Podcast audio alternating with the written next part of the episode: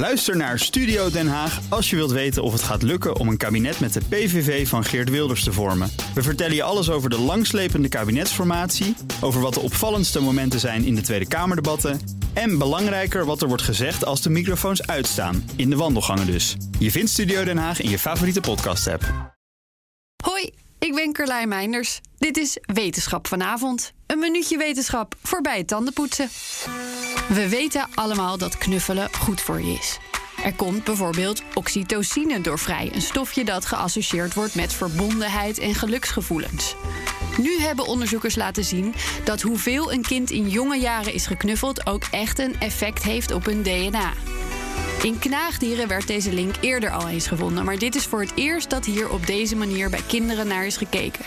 Van 94 baby's werd bijgehouden hoeveel lichamelijk contact ze in de eerste vijf weken van hun leven met hun ouders hadden. Vier tot vijf jaar later bekeken ze van deze kinderen het DNA. Ze keken hoe sterk bepaalde genen tot uitdrukking waren gekomen in verschillende DNA-gebieden en of ze konden zien wat dat dan had beïnvloed. Ze zagen op vijf plekken in het DNA een verschil tussen kinderen die als baby veel geknuffeld waren en kinderen die weinig lichamelijk contact hadden gehad. Eentje daarvan speelt een rol in het immuunsysteem en een ander gebied in ons metabolisme. De kinderen die weinig waren geknuffeld leken biologisch een beetje achter te lopen. Nou kunnen daarbij natuurlijk ook een heleboel andere factoren een rol hebben gespeeld en moet er nog worden onderzocht of deze kinderen hier ook ongezonder of ongelukkiger door zijn. Maar een beetje extra knuffelen met die kleintjes, dat kan alvast geen kwaad.